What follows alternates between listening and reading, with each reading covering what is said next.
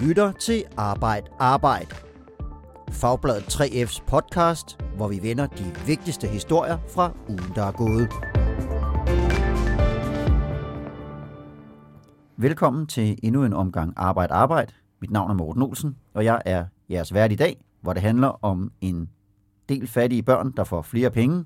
Og så har regeringen sagt nej tak til et forslag, der vil gøre det nemmere for udenlandsk arbejdskraft at komme til Danmark.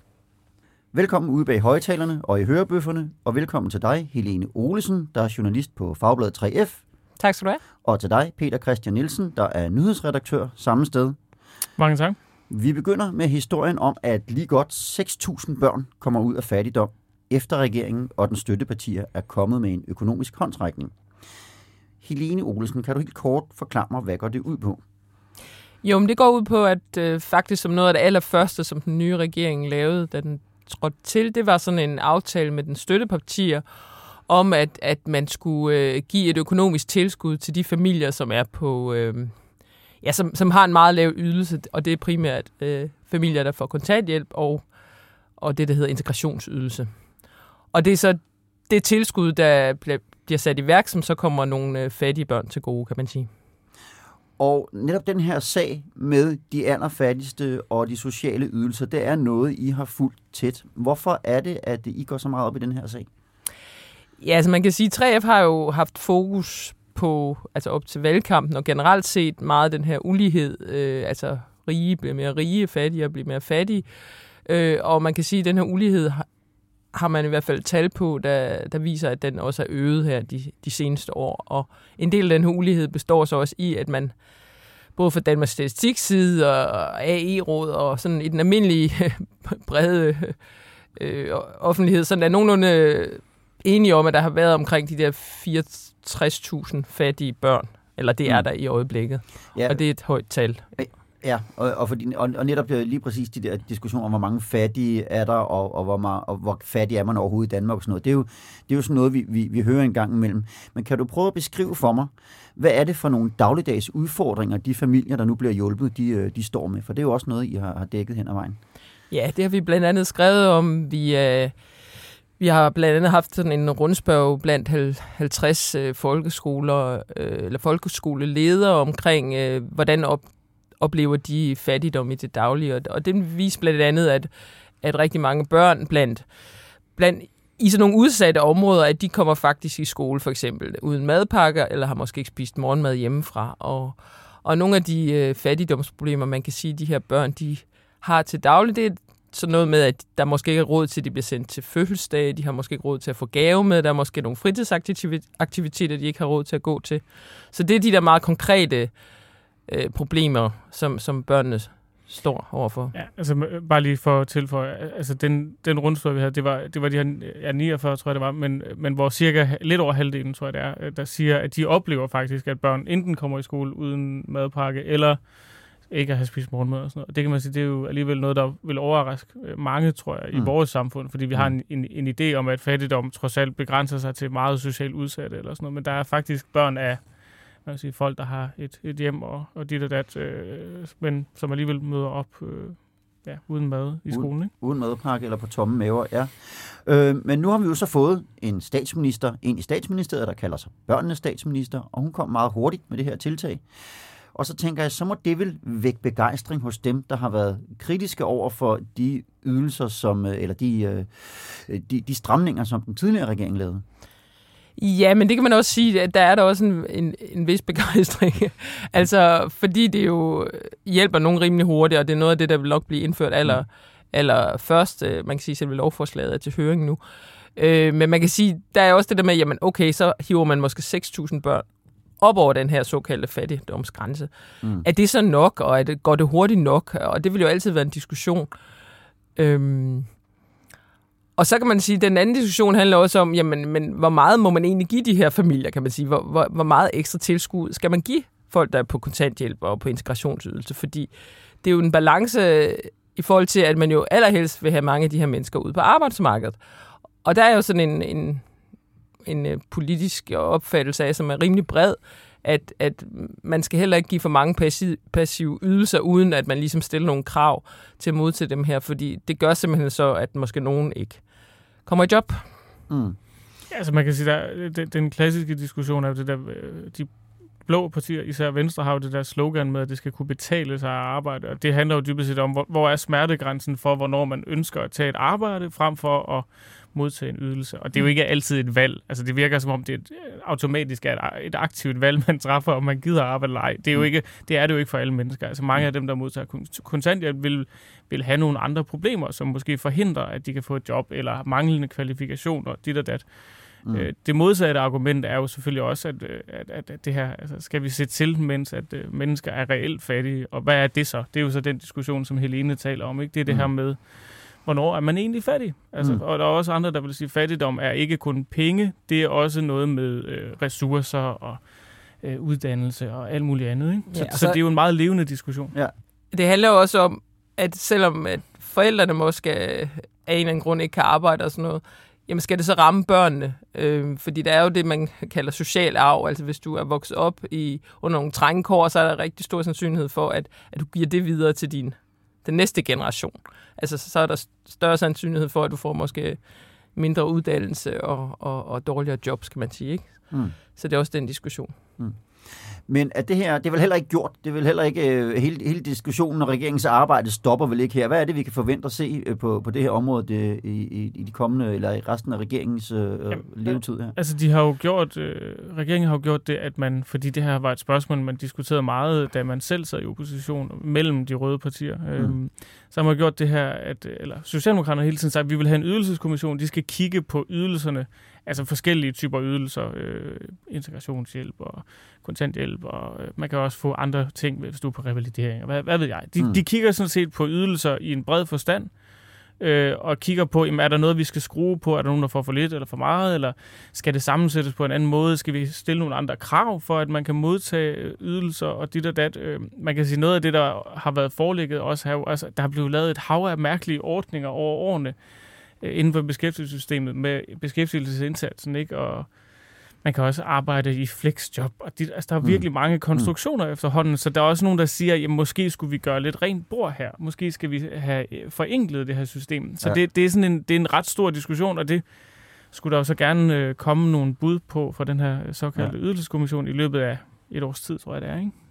Og det er helt sikkert også øh, et en kommissionsarbejde, vi kommer til at dække her i Arbejde Arbejde, og som I på Fagbladet 3F også kommer til at følge nærmere. Utvivlsomt. Helt sikkert. Vi stopper, øh, hvad hedder det, snakken om fattige børn i den her omgang. Den vender vi helt sikkert også tilbage til.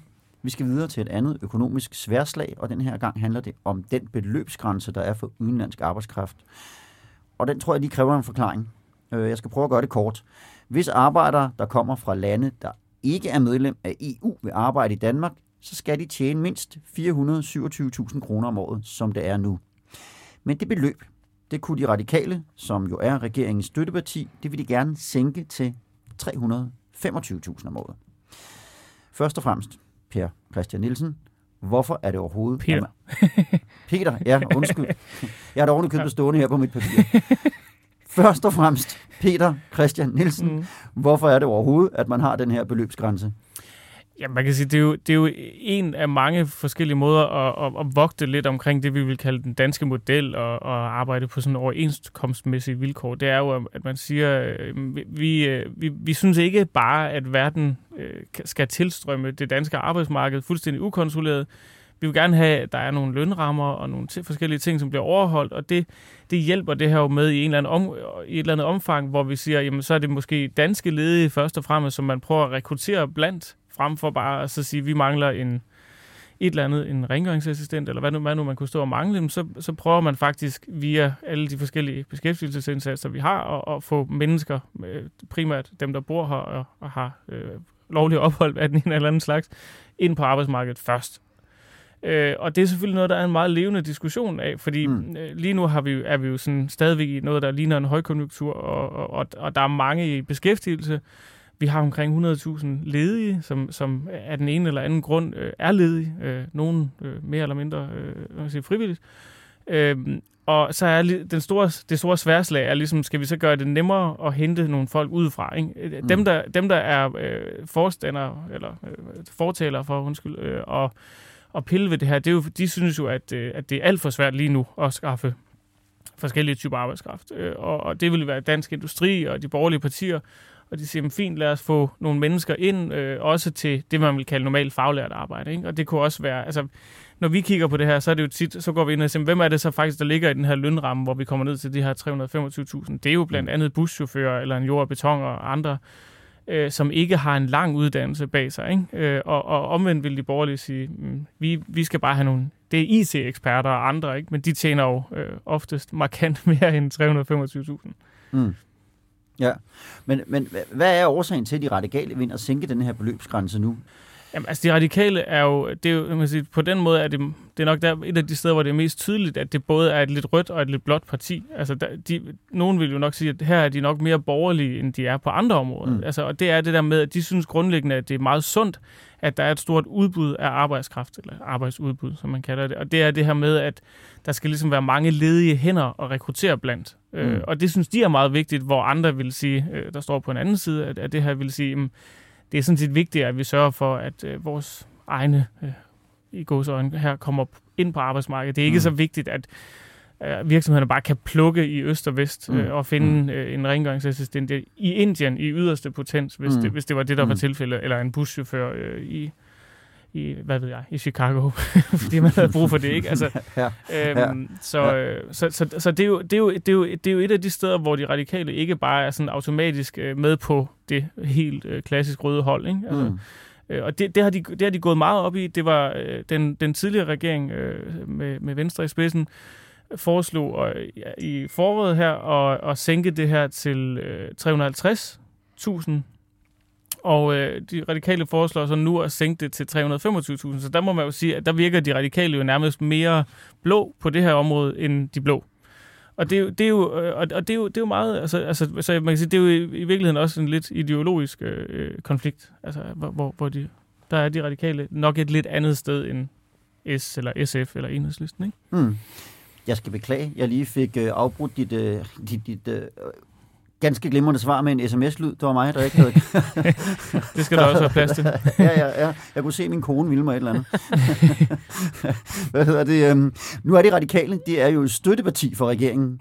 Men øh, hvordan bliver der taget imod deres øh, forslag på den borgerlige fløj? Kan man forestille sig, at, at vi simpelthen kan, kan se et flertal udenom regeringen på, i den her sag? Jeg tror, at det er svært, øh, også fordi der blev rokeret godt og grundigt rundt på mandaterne. Altså, øh, og man kan sige, øh, Dansk Folkeparti i hvert fald, da de var i opposition, det er jo nogle af dem, man måske kunne sige, der kunne være med til at svinge sådan et forslag her lidt i den borgerlige øh, retning. Men altså, de har i hvert fald indtil nu været ude decideret og for, altså de har foreslået på et tidspunkt at hæve den nuværende beløbsgrænse til 500.000. Så har de omvendt været ude og så sige, hvad, øh, for eksempel med arbejdskraft til IT-branchen, som måske er nogen, der er særligt udsatte i forhold til mangle hænder. Øh, der har man foreslået, at der skulle være særlige ordninger, hvor de så nemmere kunne komme ind. Så de trækker måske lidt i begge retninger, men jeg tror, det er svært at forestille sig, at de vil øh, købe de radikales forslag fuldstændig øh, blankt. Mm. Altså, altså sige, det gør vi bare. Det, mm. det, det tror jeg, det er svært at forestille sig. Mm. Man kan så sige, øh, arbejdsudbuddet her, som, øh, som er et, et emne, der optager de radikale relativt meget, også mm. i forståelsespapiret, som man har lavet med, med, med regeringen.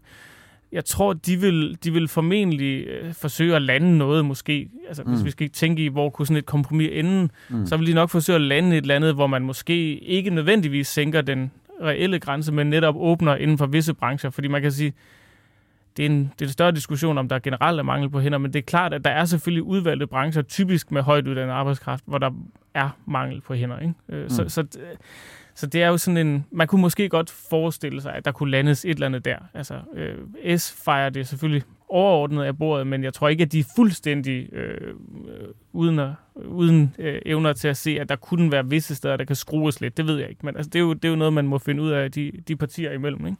Så lige meget hvad, så venter der i hvert fald nogle politiske forhandlinger om det her emne, som I helt sikkert også kommer til at, at holde øje med. Det kommer til helt sikkert at fylde en del i, i finanslovsdebatten og, og, og forhandlingerne. Så det vender vi tilbage til på et senere tidspunkt. Vi er ved at være nået til vejs ende i den her uge. Tak fordi I lyttede med. Jeg hedder Morten Olsen og var jeres vært i dag på Arbejde Arbejde. Og også tak til dig, Peter Christian Nielsen, og til dig, Helene Olsen, fordi I var Selv med i dag. Tak. Selv tak.